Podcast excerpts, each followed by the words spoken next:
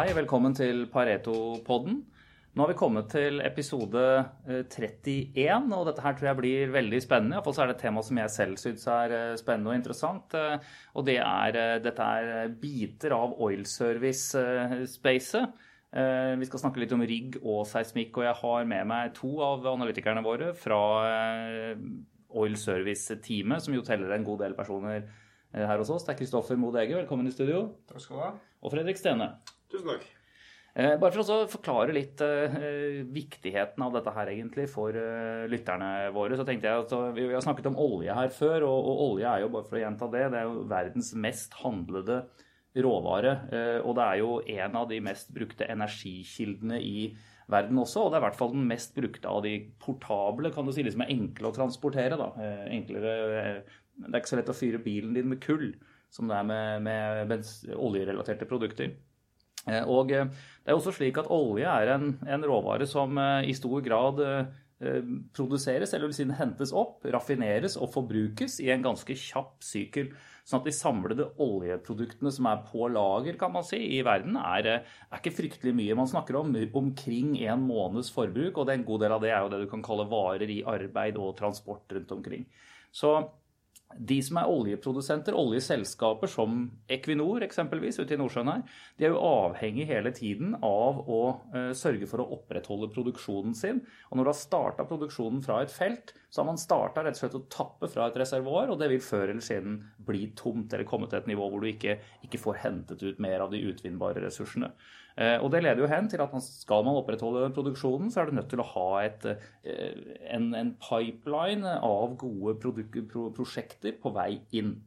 Eh, og Det er jo der denne biten av oil service i hovedsak kommer inn. Mesteparten av det som er av seismikk, og mesteparten av det som, som er av, av rigg, i denne sammenhengen her i hvert fall, gjøres jo i, i lete- og utviklingsfasen av den type oljefelter.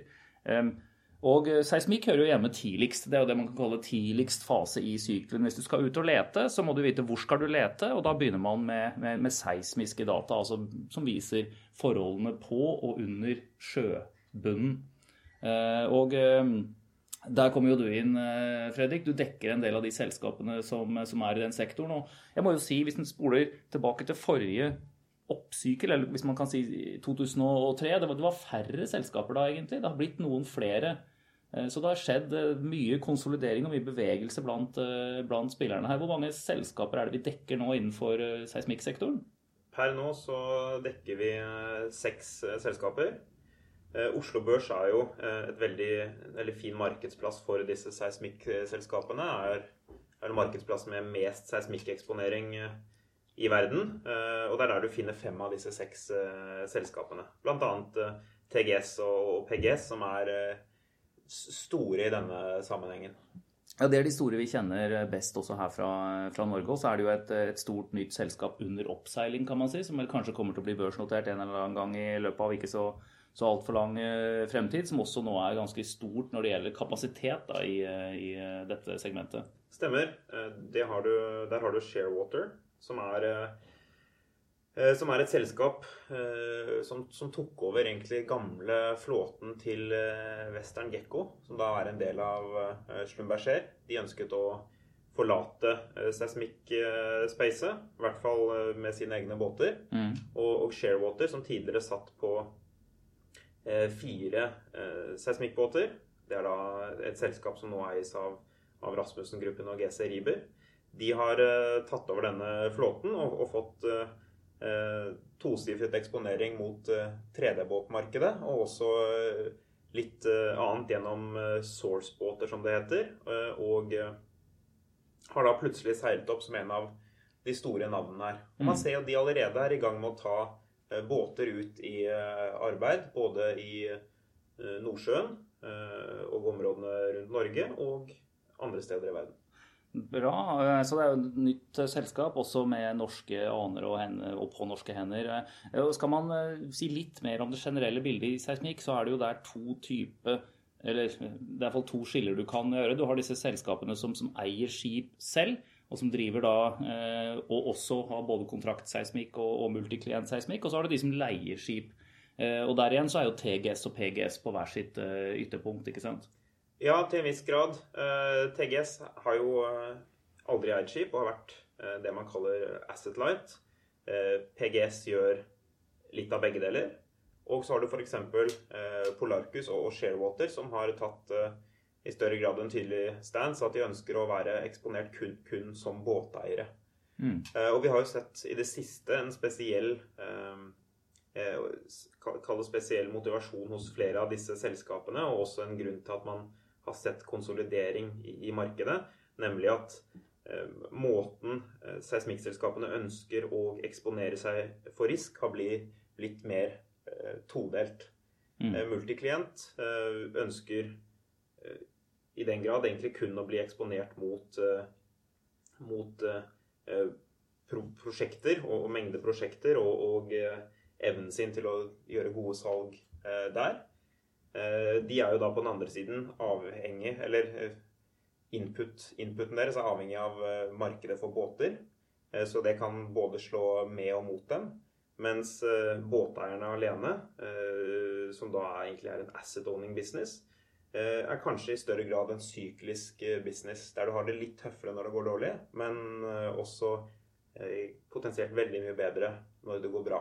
Det stemmer, og dette ser man jo, kjenner man jo igjen i aksjene også, hvor uh, typisk eh, PGS svinger mye mer enn eh, TGS. I hvert fall gjort det i, det i det siste. Og man sitter litt annerledes posisjonert risiko, risikomessig. Og det, det, er jo slik selvfølgelig at er det masse ledig kapasitet, så får de som leier båter, leid billig. Men er det lite ledig kapasitet, så får de som leier båter, kanskje ikke leid. Du får ikke gjort det du vil når du har lyst til å gjøre det, og du må betale mye mer. Men men det generelle bildet i seismikk er vel fortsatt slik at det er noe overkapasitet på eh, antall båter. Det er en del som ligger i opplag rett og slett, og, og den type ting. Ja, er eh, Vi er definitivt eh, på vei inn i et bedre marked for eh, båteierne. Eh, det er fortsatt båter som ligger i opplag som man kan eh, ta ut. Mengden båt der er nok ikke så stor som man potensielt frykter hvis man ser nå i markedet, så er det rundt, rundt 30 båter. Mens i 2012-2013 så var det rundt, rundt 60 båter. Mm. Eh, mange av disse båtene er eh, blitt for gamle eh, allerede. Og mange av båtene har kall det for brukt opp eh, ekstrautstyret sitt for å holde båtene på vannet, eh, eller som er på vannet nå, i live. For å da spare penger egentlig i nedturen. Ja, for Det er også et viktig poeng her, egentlig, at selv om en båt har en levetid på kanskje et sted mellom 20 og 30 år, så, så er det jo eh, mye av utstyret som de har på, er mer for ferskvare å regne. Altså Du har disse streamerpakkene, rett og slett, de tingene du henger bak båten for å gjøre seismikkarbeidet, som jo har en mye kortere levetid, og som også koster ganske mange millioner dollar. Så utgjør en betydelig del av båtens eh, verdi. Ja, stemmer. Og det var egentlig det temaet jeg ville snakke litt eh, videre om. Fordi flere investorer eh, som er interessert i seismikk, de, de, ønsker jo åpenbart å, å, ha et kontroll på dette supply-bildet. Eh, og en, en, en, del av Paretos tese her er jo at eh, pga. disse enorme investeringene som trengs i streamerdelen, som kan være si generisk 50 millioner for et nytt sett til noe som holder si eh, åtte år istedenfor 25-30 eh, år, som selve skroget kan holde, mm. Eh, så vil du jo klare å måtte skrape sammen disse 50 millionene før du kan ta en ny båt ut i arbeid. Og det å skrape sammen 50 millioner har jo vært et problem for mange av disse båteierne nå de siste årene. Og vil jo sånn sett sette Kall det en liten demper på hvor fort de har mulighet til å ta ut ny båt. Det vil enten selvfølgelig kunne gjøres ved at man henter penger i markedet. Men hvis de skal gjøre det, kall det organisk, eh, med sine egne inntekter, mm. så vil eh, hastigheten på, på, hvor fort supply-siden øker, være begrenset. Og eh, det vil jo selvfølgelig gi litt mer prisingsmakt til båteierne enn det man har sett gjennom 16 og 17. Er, så, så, så, man ser altså noe tilstramning der sånn, og et, egentlig et marked hvor du, begynner å se litt lys i, i horisonten. Men eh, så kan vi hoppe videre. altså Når man har gjort, eh, når oljeselskapet har, har seismikk, så de har et bilde av hva som, eh, som, kan gjemme seg på havbunnen, så er det jo tid for oss å begynne å, å bore. ikke sant? Og det er der riggene kommer inn. Og, og en rigg er jo en, en, enormt stor og komplisert flytende maskin, egentlig, som er lagd spesielt for å lage, for å gjøre uh, den jobben. Det fins flere varianter av det, avhengig av hvilke, eh, hvilke, havdyp det skal være på. Man har, man har jackup som jekkes opp på relativt lavt eller relativt grunt vann. Noen av de ekstremt grunt vann. Og når du kommer ned på en, en større dybde, så er det snakk om, om flytende rigger eller, eller produksjons- eller boreskip. Ikke sant? Og, så, så, det finnes også så er det igjen dette med at noen er laget for å leve i eller operere i, i benign, eh, vennligsinnet eller hyggelig farvann, kan du si. Syden kunne man kalt det. Mens andre er for, for arktiske strøk eller harsh environment. da Det kalles jo high spec harsh environment-rigger, eh, dette her. Eh, og eh, det er ditt eh, gebet, Kristoffer? Det er det. Det er jo et volatilt marked om dagen, men det er jo det som gjør det litt interessant også. Riggmarkedet som eh, det proprietære seismikkmarkedet er en relativt kapitalintensiv eh, industri, hvor det krever store mengder kapital for å eh, tilegne seg assets. Alt fra de litt billigere såkalte jackup-riggene, eller oppjekkbare riggene som du var inne på, opp til de, de mer dyre riggene, flytende riggene, som opererer i, i såkalte værutsatte områder. Um, og på tvers av disse markedene nå, så er vi jo i en situasjon hvor vi egentlig har sett bedring i tilbud-etterspørselsbildet siden starten av 2017. Eh, Dvs. Si at utilization på tvers av disse markedene har forbedret seg de siste to årene. Eh, men samtidig så ser vi et aksjemarked som er mye mer volatilt, og ikke nødvendigvis helt i tråd med det vi ser fra, fra fundamentalene side. Um, og de siste månedene så har vi jo sett et marked, eller et aksjemarked, som uh, på noen tidspunkt, som i september, har satt veldig stor pris på, på rigg-aksjene, om, man skal si det sånn. Uh, og vi hadde en fantastisk måned med, med veldig god egenkapitalavkastning der. Før vi da fikk en bredere markedsnedtur fra, fra, Q4 og, og frem til den dag vi er i dag. Med Eh, de aller fleste rigg-aksjene, eller noterte rigg-aksjene, som noterte bunnnoteringer eh, i mm. løpet av desember. For, for, som jeg var litt inne på innledningsvis, så er jo også for rigg veldig mye av, av, etterspørselen, rett og slett. Det som kommer da fra oljeselskapene. Dette er jo investeringsdrevet. Eh, og eh, på, I fjerde kvartal så opplevde man jo en topp på oljeprisen, og så falt den som en, en stein. og Det var egentlig litt overraskende i, eh, i markedet. Og, og, det er jo etter det så har jo oljeprisen kommet en god del tilbake, men det virker som om liksom en del av, av, av riggeinvestorene har blitt mer skremt. Og jeg sitter her med en del sånne avisutklipp fra i, i dag, for så vidt. 1. mars her nå.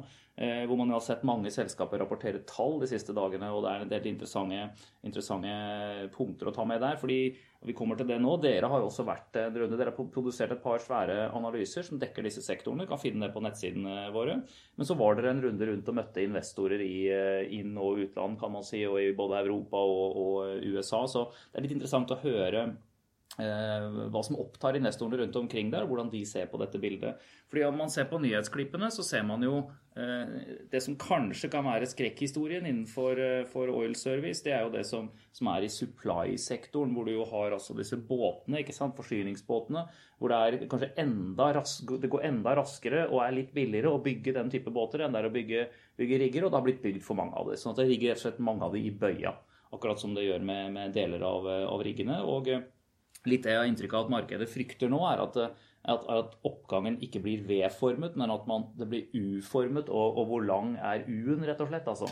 Fordi Jo lengre den er, jo, jo, nærmere kommer du at du må gjøre refinansieringer av disse selskapene igjen. Og at ikke selskapet selv vil ha en kontantstrøm som genererer nedbetaling av gjeld og avkastning til eierne. Det er vel egentlig kanskje kortversjonen. Så, men, men hvordan, ser, hvordan, ser, investorene det i, eh, ja, i, i Boston og New York og der hvor dere har vært? Ja, nei, det er, det er, litt geografisk variasjon i, i, hvordan investorene ser på det. Hvis vi begynner med, med Europa, så, ser vi en litt, eller så, så vi en litt interessant utvikling fra september til, eh, til februar i år. Eh, eller september i fjor til februar i år, hvor eh, vi i september, som var et veldig godt marked med veldig mye interesse for oljeservice, og risikoappetitten var høyere enn det den var nå, mm. så fikk vi veldig mye interesse for rigg-markedet. Eh, og litt mindre på seismikk. Da hadde jo seismikk allerede gått eh, en god del, og noen følte kanskje at eh, det toget hadde gått. Når vi nå var tilbake igjen i februar, så var det bildet litt snudd. Da var det mye mer interesse for seismikk enn det det var for rigg. Seismikk er jo en litt mer variert eksponering i den forstand at du kan velge mellom multiklient eller proprietær eksponering osv. Og så er det også en sektor hvor du får en oppdatering på hvordan ting går på kvartalsbasis. Så der har du mye mer indikativ eh, topplinje fra seismikkselskapene som viser om det har vært en bedring. Det er ikke like, eh, i like stor grad tilfellet i rigg, hvor du kanskje har litt mer uforutsigbare datapunkter og må ta litt mer risiko og være litt mer tålmodig før du får en tese oppfylt. For det generelle bildet er at investorene har eh, samme tese som Pareto, og de mener at uh, oljeservice eller offshoremarkedet er Eh, er i bedring og ting ser bedre ut og at det kommer til å bli enda bedre. Men det er ikke alle som tør å, å ta det bettet på nåværende tidspunkt, og velger da heller eh, mer eh, konservative eksponeringer enn det vi finner i rigg. En av de tingene som har skjedd de siste ukene også, er jo at, at alle de store oljeselskapene har lagt fram sine eh, investeringsbudsjetter, dvs. Si fjerde, fjerde og guiding innenfor året. Eh, og Vi har jo en stor event på slutten, eh, eller på høsten hvert eneste år, denne oljekonferansen vi har i Holmenkollen. og Da lager jo vi en, en analyse eh, hvor man nettopp ser på hvor det knyttes mest interesse til, til oljeselskapenes investeringsbudsjetter for årene som kommer. Og nå etter, etter fra da det bildet i høst, hvor også det var mer trøkk i hele denne sektoren, og til vi har sett tallene komme nå etter dette oljeprisfallet, så har jo det også ført til en nedjustering av våre estimater for olje selskapenes investeringer i 2019. Eh, kan du si litt om det, og gjerne også den fordelingen som har vært der mellom, mellom eh, onshore, eller altså på land, typisk i USA, ikke sant, eh, investeringer, og det vi ser offshore, hvor man jo bruker rigger av denne typen? Ja, det er riktig det. Så, så, bare som en påpekning, så er de riggene vi, vi gjerne ser på og verdsetter, og de selskapene vi følger, eksponert mot offshoremarkedet og ikke onshore-markedet i USA. Men tilbake til poenget ditt om at vi har tatt ned Eh, spending-estimatene våre for 2019. Dvs. Si altså hvor mye vi tror oljeselskapene kommer til å, å, å, investere i året som kommer. Så har det i all hovedsak drevet av lavere forventede investeringer onshore USA. Eh, og det viktige å forstå i den sammenheng er at onshore-virksomhet i USA er en mye mer kortsyklisk industri enn det man eh, ser offshore. Mm. Dvs. Si at fra det tidspunktet du investerer til du ser olje, Eh, og til oljefeltet du har investert i er ferdig med å produsere, er mye kortere enn det da offshore. Det er små, raske brenner rett og slett, med små rigger som borer rundt omkring. Så en bonde kan ha 16-17 sånne stående på et jorde nærmest og pumpe. ikke sant? Riktig. Mm. Uh, mens offshore på den andre siden er jo mye mer uh, langsiktige prosjekter, hvor du kan starte Eh, med investeringene dine tre år før du begynner å se olje. Og heller historisk sett så, så er det gjerne nærmere fem, til syv år før du nærmer deg platåproduksjon. Og så må du være villig til å ta den eksponeringen som følger av en oljeproduksjon i tiår, tiårene som følger. Så man må ha et mye mer langsiktig bilde på eh, oljemarkedet, og du må være mye mer komfortabel eh, før du er villig til å investere i disse prosjektene.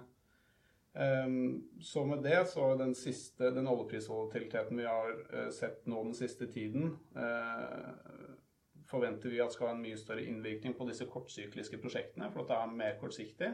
Mm. Mens offshore-prosjektene, som er veldig profitable selv på nåværende oljeprisnivåer, um, er mer tungrodde, og der har vi ikke sett like stor endring i uh, kortsiktig interesse, og dermed ikke like stor påvirkning av det kortsiktige oljeprisfallet vi har sett heller.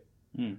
Ja, for Ser man i disse analysene våre, så, så, er det jo en slags eh, sånn skala eller smørbrødliste av prosjekter som, som, oljeselskapene har å forholde seg til, med ulik break-even-grad. Altså de, Du må ha en ulik oljepris på disse prosjektene for at det skal lønne seg å gjøre det. ikke sant?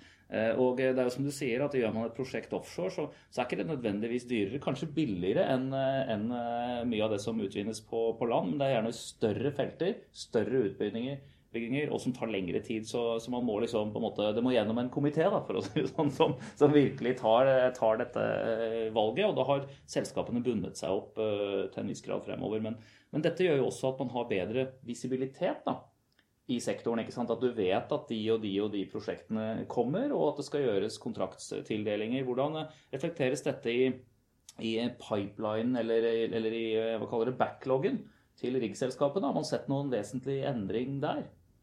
Ja, altså det, det, kommer litt an på hvilke segmenter vi ser på, og, og de forskjellige segmentene innad i rigg. Eh, så, så, hvis man begynner med disse værutsatte riggene vi eh, var inne på tidligere, dvs. Si typisk rigger som opererer i, i Nordsjøen mm. eller i, eh, i, land som er nærmere arktiske strøk, så har vi sett en betydelig forbedring i backloggen som bygges for disse selskapene. Også en betydelig forbedring i ratene disse riggene får når de får kontrakt. Og vi så jo senest i går et tilfelle på eh, Vest Bolstad, som er da den siste Harsh Environment-riggen til Northern Drilling, mm. Eh, som fikk en kontrakt av Lundin eh, for å bore ti brønner, og får kompensert ca. 300 000 dollar om dagen for å utføre dette arbeidet. Er det en rate du vil si er en god rate? liksom? Det er mange forhold som må tas med i betraktning for å evaluere om den er god eller ikke. Eh, men eh, vi vil jo si at dette er, eh, en, en, god rate, litt som forventet. Det er den første, første, kontrakten denne riggen får. Da må man forvente å få litt lavere rate for å få en track record, record osv. med oljeselskapene.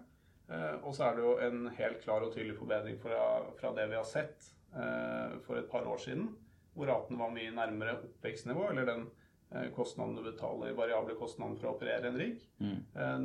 Nærmere 150 000 dollar. Så dette er rater du faktisk tjener litt penger på, da, altså, som jo er sånn det business skal være? Absolutt. Dette er eh, kontrakter hvor du faktisk genererer cash, eh, som jo er et viktig element for at dette skal være en levedyktig industri. Mm. For i det bredere riggmarkedet, hvis vi ser litt til disse sydligere strøkene, som, som, du kalte det, for litt Eh, andre typer rigger, typisk boreskip eller semier som ikke egner seg for, for store bølger og kaldt vær, eh, så er ratene fortsatt relativt langt nede. Så der ser vi et litt annet bilde enn det vi ser i, i Dan Nordsjøen. Eh, fordi dette er et marked hvor det ble bygget mye mer rigger i forrige oppsykkel, og som ble veldig hardt rammet av den oljeprisnedturen, den oljenedturen vi har sett de seneste årene. Fordi at deres etterspørsel stammer fra typiske land som ikke er like eh, velutviklet eh, infrastrukturmessig som det Norge er. Mm. Så det tar oss litt tilbake til en diskusjon om kortsyklisk som man kanskje er komfortabel med når det er mye volatilitet, over til disse langsykliske prosjektene man typisk finner i Brasil eller Vest-Afrika. Så er Norge gjerne et sted imellom der. For der har vi en veldig utviklet infrastruktur som tillater deg å lete etter såkalte brownfields og utvikle brownfields, som igjen er litt kortere eh, sykkel mm. enn det greenfields i, i da Brasil og Bare forklare litt for lytterne her. Det som kalles brownfields, er jo ofte felt i nær tilknytning til felt du allerede har. ikke sant? Altså Sånn at du kan koble deg på eksisterende produksjonsplattform og Eh, og, og, pipelines og det som måtte være der. Mens, mens, greenfield, eller grønne enger, det er når du drar og leiter i Barentshavet og den type steder hvor du kanskje ser noe spennende på seismikken, men, eh, men, hvor man rett og slett må opp og begynne å bore for å se om det er noe der. Eh, og hvor det ligger gjerne langt fra land og kan ligge langt fra eksisterende andre installasjoner. Riktig. Og, og Arsenal Environment-markedet ble jo da en veldig god situasjon, nettopp fordi at det ikke ble like overbygget i, i forrige sykkel. Og oljeselskapene fikk nok komfort til å investere i såkalte brownfields, eh, som igjen da dro etterspørselen i riktig retning også. Mm. Hvis man ser på, på, på riggsegmentet, hvor, hvor, er det det er fortsatt stor ledig kapasitet? Eh, hvor er det det rett og slett liksom ligger mange, Hva slags type rigger er det det ligger veldig mange av i, bøya? Eh, de ringene som det ligger mange av i bøya, er, er gjerne de eh, ultradypvannsflytere, eller boreskip. Eh, det, det, var jo eh, kall den mest populære eh, riggen å bygge i forrige oppsykkel, sammen med jackups. Så jackup-markedet er også et marked som lider under oversupply. Mm. Men til forskjell fra ultradeepmannsmarkedet så er det et marked hvor vi har sett en stigning i demand de seneste årene. Så det vil si at utnyttelsesgraden i det markedet har forbedret seg pga. økt etterspørsel mens utnyttelsesgraden i ultradypvannsmarkedet rett og slett har forbedret seg pga. et lavere tilbud av rigger. Nettopp. Så det, det, er liksom blitt uh, utsolgt, nesten rett og slett? For det er ikke mer å få kjøpt? Ja, altså, Eller det, lite ledig, i hvert fall, i, i det markedet. Men, men oppi dette her så har det jo også blitt uh, Det er mye man kan si om selskapene her, vi må komme inn på noen eksempler på det. Men, men uh, det har jo blitt, blitt startet et nytt selskap innenfor, uh, innenfor jackup-rigger, og det med tilknytning til Norge er det jo Bård, Som på bemerkelsesverdig kort tid egentlig har fått en, det jeg vil se på som en, en oppsiktsvekkende stor flåte med, med, rigger. Og de har kjøpt mye av det som har vært ledig hos andre, har jeg sett, i, i markedet. Hvorav noe skal ut, fases ut, mens noe er helt nytt. Du, og de kom jo også med tall her i, i går eller noe der omkring. og kan du si litt om, om hvordan, ser, hvordan, de ser på situasjonen eh, nå? Hvordan vi vurderer det?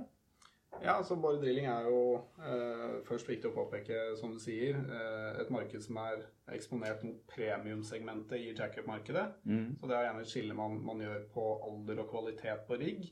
Eh, fordi jackup-markedet som helhet har to store byggesykler. Det var forrige oppsykkel eh, fra 2006 og utover. Og så hadde du eh, en, eller, en byggesykkel i starten av 80-tallet. Så det er en veldig stor forskjell på kvaliteten i eh, den globale jackerflåten, hvor Bård da posisjonerte seg i den moderne riggsegmentet der.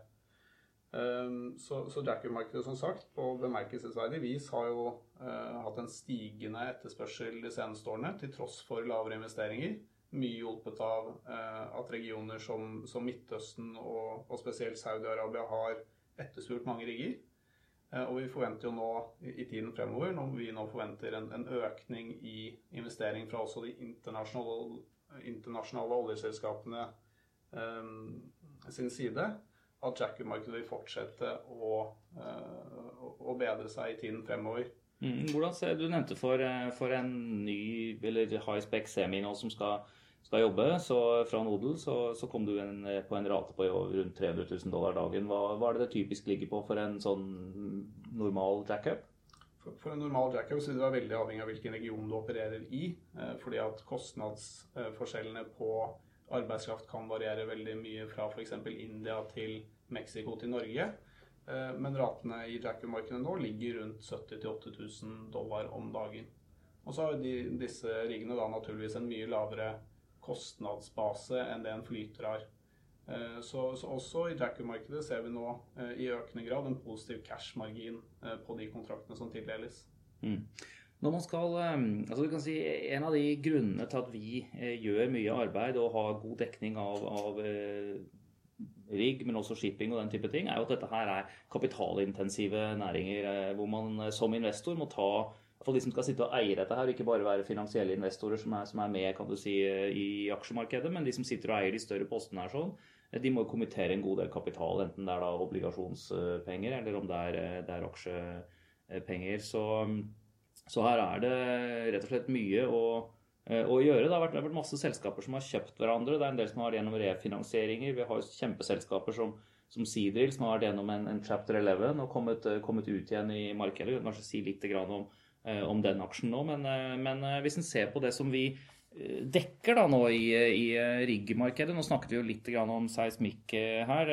Ta fram din siste rigganalyse. 'Shaken, not broken', står det. Så det, det, er, det er, kanskje et godt, godt, bilde på hvordan det ser ut der akkurat nå. Så det er en ganske lang liste med selskaper. Noen av de har jo veldig mange rigger, andre av de har, har få. Er det noen du vil spesielt trekke fram som, som gode som på en måte investorene bør ha øverst på lista akkurat nå?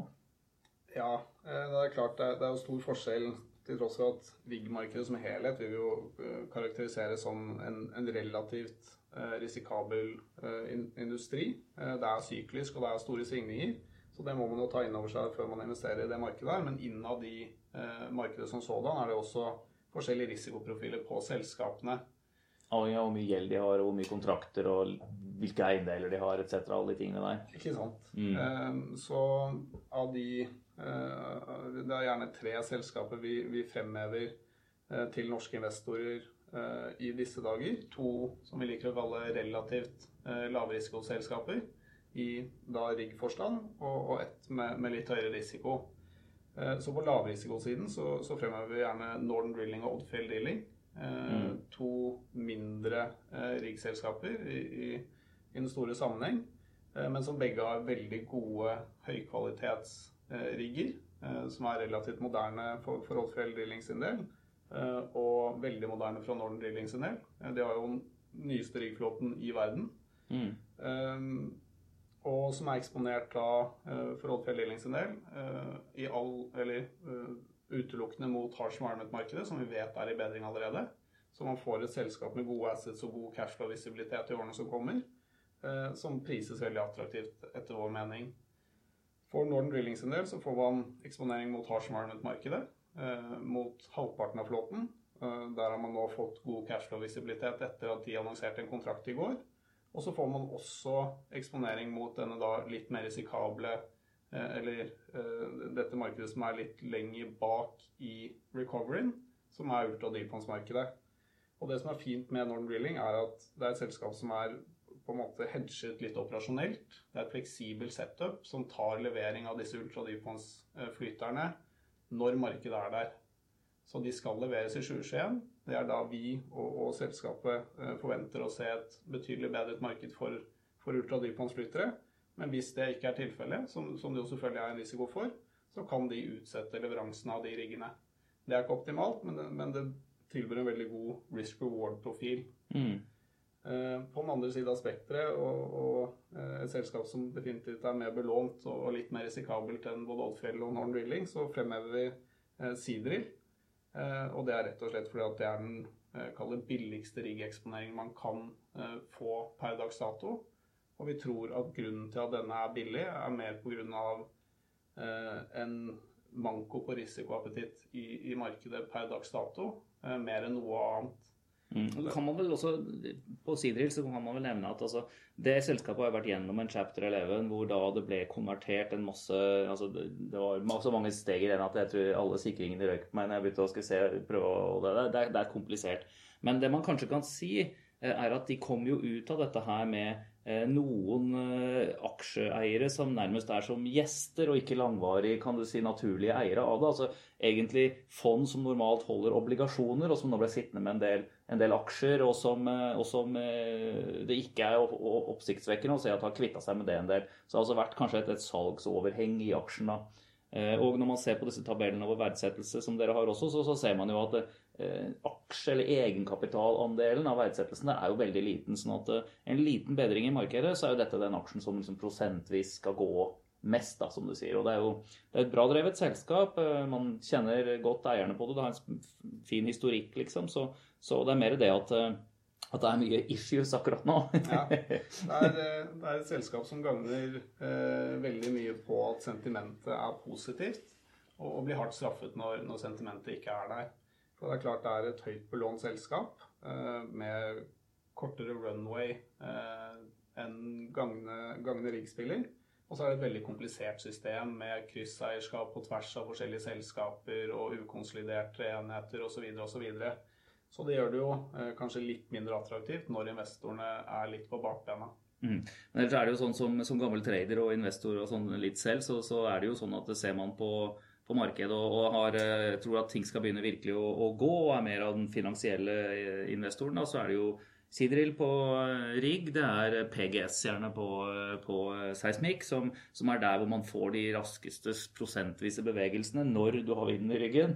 Og så gjelder det motsatt vei når, når ting snur litt. Men, men så, så, det er noe som, som sikkert folk kjenner igjen som har handlet disse aksjene selv og som kan sitte på det på relativt korte perioder. Men eh, for de som sitter litt lenger eh, på det, og som for så vidt er de typiske investorene dere møter, da, så er det jo eh, to ting man typisk bruker, eller hvis man grovt sett skal forklare verdsettelsen av disse selskapene. Det ene er jo Nav, Net Asset Value, som ofte går på hva kunne du solgt eiendelene til selskapet for. Altså hvis du skulle solgt eiendelene, betalt gjelden, hva ville man sitte igjen med?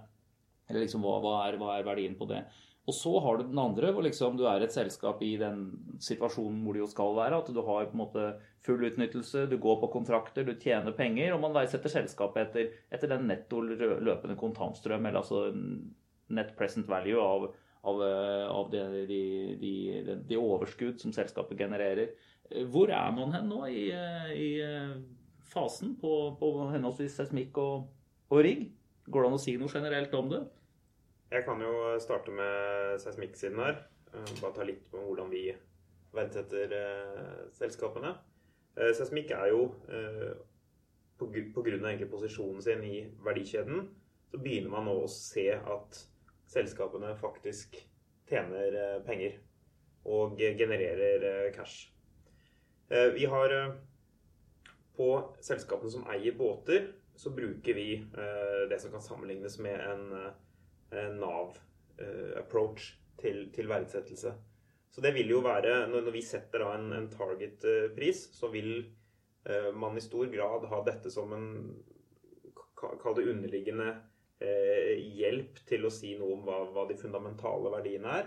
Men eh, pga. Eh, den sykliske naturen til industrien, så vil man kunne legge på en diskant eller premie, avhengig av hvordan inntjeningen eh, vil være over kall det short to medium term. For Visibiliteten er jo ofte ikke så fryktelig god på en del av de eh, spillerne. Noen har jo lange kontrakter, men, men, i all hovedsak så er dette her relativt kort historikk. Det, det, det er nettopp det. Så eh, du vil uh, eller etter vår mening da, så vil det være fornuftig å bruke det, underliggende stålverdier som, som en, en, baseline, men man kommer ikke utenom at disse selskapene er eh, sykliske.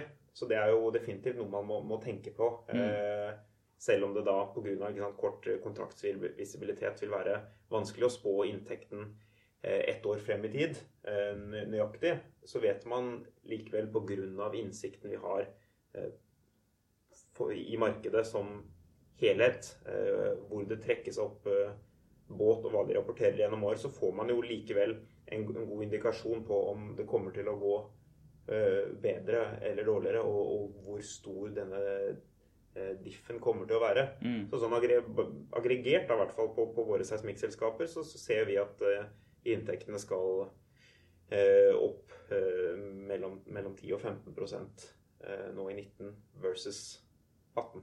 Så det er en, en bevegelse i riktig retning eh, det, der, i hvert fall. Det er det absolutt. Og man, eh, man ser det eh, veldig egentlig på Eller det, det, er to, det, er to, ting vi ser det på. Eh, det første tegnet på at det går bedre i seismikk, er eh, ofte at seismikkselskapene selger mer av det man kaller late sales. Eh, og det er da knyttet egentlig til multiklient-spillerne i hovedsak. late sales er Kall det hylleseismikk fra altså service som man allerede er utført, mm. der kosten er tatt, men som sitter der og kan selges egentlig litt opportunistisk. opportunistisk. Eh, men det trenger jo selvfølgelig da en vilje fra oljeselskapene eh, til å begynne å se på exploration igjen. Og det å kjøpe hylleseismikk da, som egentlig ikke har noe commitments utover det at man ser på det og kanskje man, man finner noe som er interessant, så, så tar du veldig liten risk. Og når det volumet begynner å komme opp, eh, sånn som vi ser at det begynner å komme opp nå, så ser man ofte at det blir fulgt av volum i proprietær seismikk, der oljeselskapene går ikke gjennom en multiklientspiller, men direkte til båteiere og får utført undersøkelser egentlig på deres egne premisser. Mm, så her kan jo for, for lytternes uh for, for, å skape et bilde av det, så, så, kan du jo kjøpe grovmasket seismikk rett og slett, over områder du syns er litt interessant, og så inngår du en kontrakt med et selskap for å se på et spesifikt område hvis du er, er mer interessert. Og det er gjerne når du da har konkret begynt å planlegge at her skal det gjøres en borekampanje. ikke sant? Ja. Hvilket leder oss over til riggen igjen. Ja. Hvordan ser det ut for deg? Er det liksom Nav eller er det cashflow som, øh, som er øh, forrest på regnearket nå?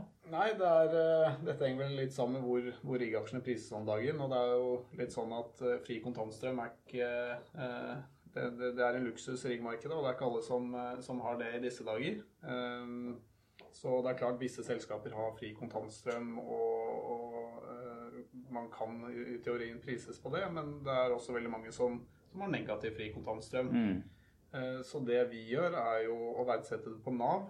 Eh, da ikke nødvendigvis i den forstand at vi verdsetter det der hvor assetene kan selges per dags dato, men vi verdsetter det da på eh, det vi mener kommer til å være fri kontantstrømgenerering i eh, et recovery-scenario.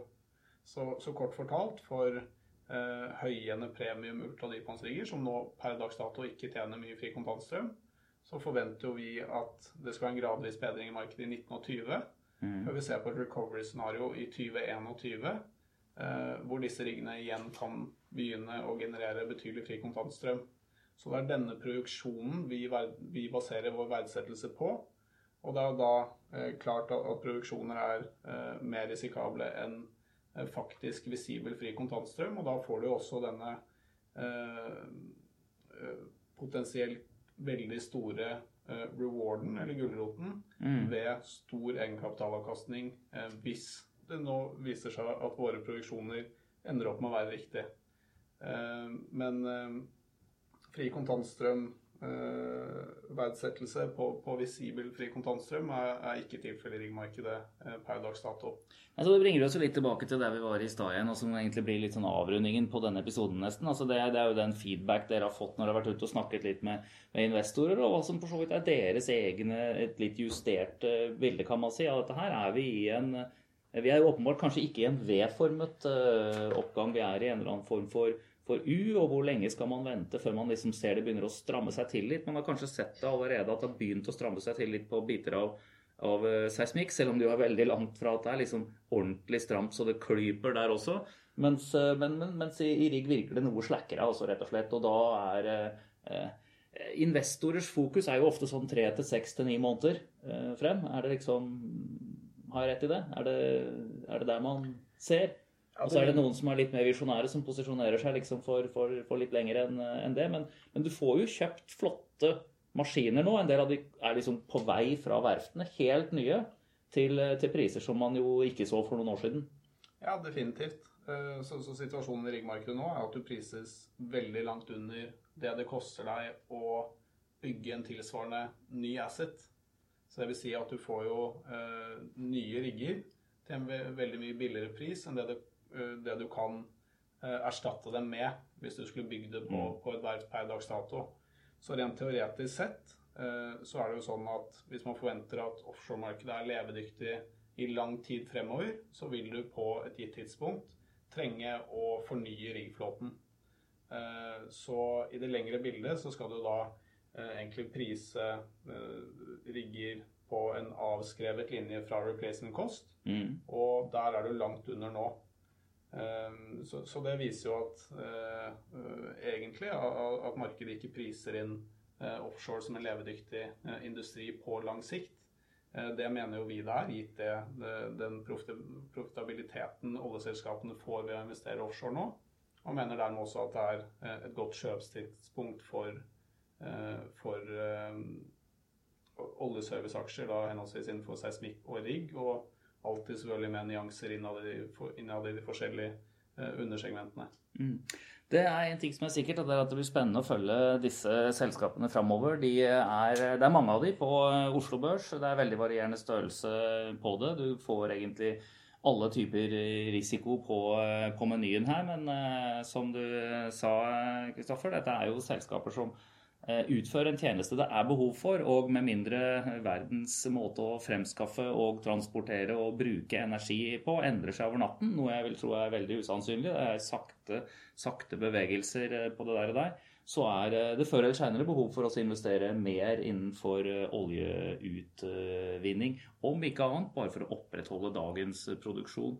Eh, og med det så tror jeg jeg sier takk for eh, oss for denne episoden. Man finner alle analysene, både sektoranalysene, som jo inneholder mye mer informasjon, på eh, både, både seismikk og rigg, inne på vår kundeweb. Og så er det selvfølgelig kommentarer på, på hver enkelt av selskapene. Og de kommenteres også, den løpende nyhetsstrømmen, på, på enkeltselskapsnivå, også i vår Energy Daily, som, eh, som, er en av de publikasjonene som kommer hver eh, eneste dag.